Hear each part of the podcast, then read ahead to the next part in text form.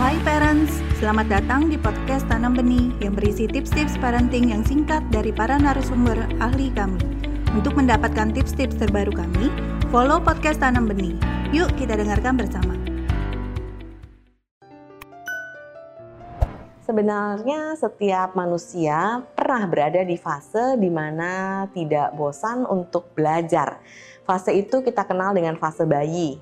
Nah, kalau kita cermati pada saat bayi, dia akan merangkak, kemudian dia menyentuh atau memegang benda-benda yang ada di sekitarnya.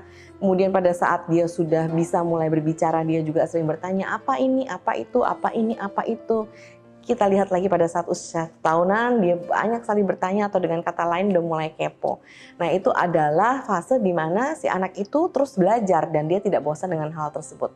Namun sejalan dengan usia maka si anak ini bisa lebih memilih tingkat interestingnya atau tingkat ketertarikannya pada saat sesuatu itu bukan menjadi interest atau ketertarikannya, maka dengan mudah dia menjadi bosan apabila melakukan suatu kegiatan dengan terus-menerus.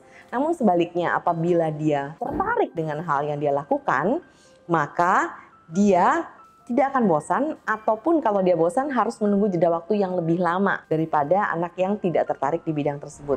Ikuti terus sosial media Tanam Benih untuk mendapatkan video-video parenting lainnya.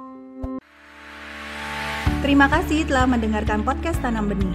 Jangan lupa follow podcast Tanam Benih. Tidak pernah ada kata terlambat loh untuk belajar.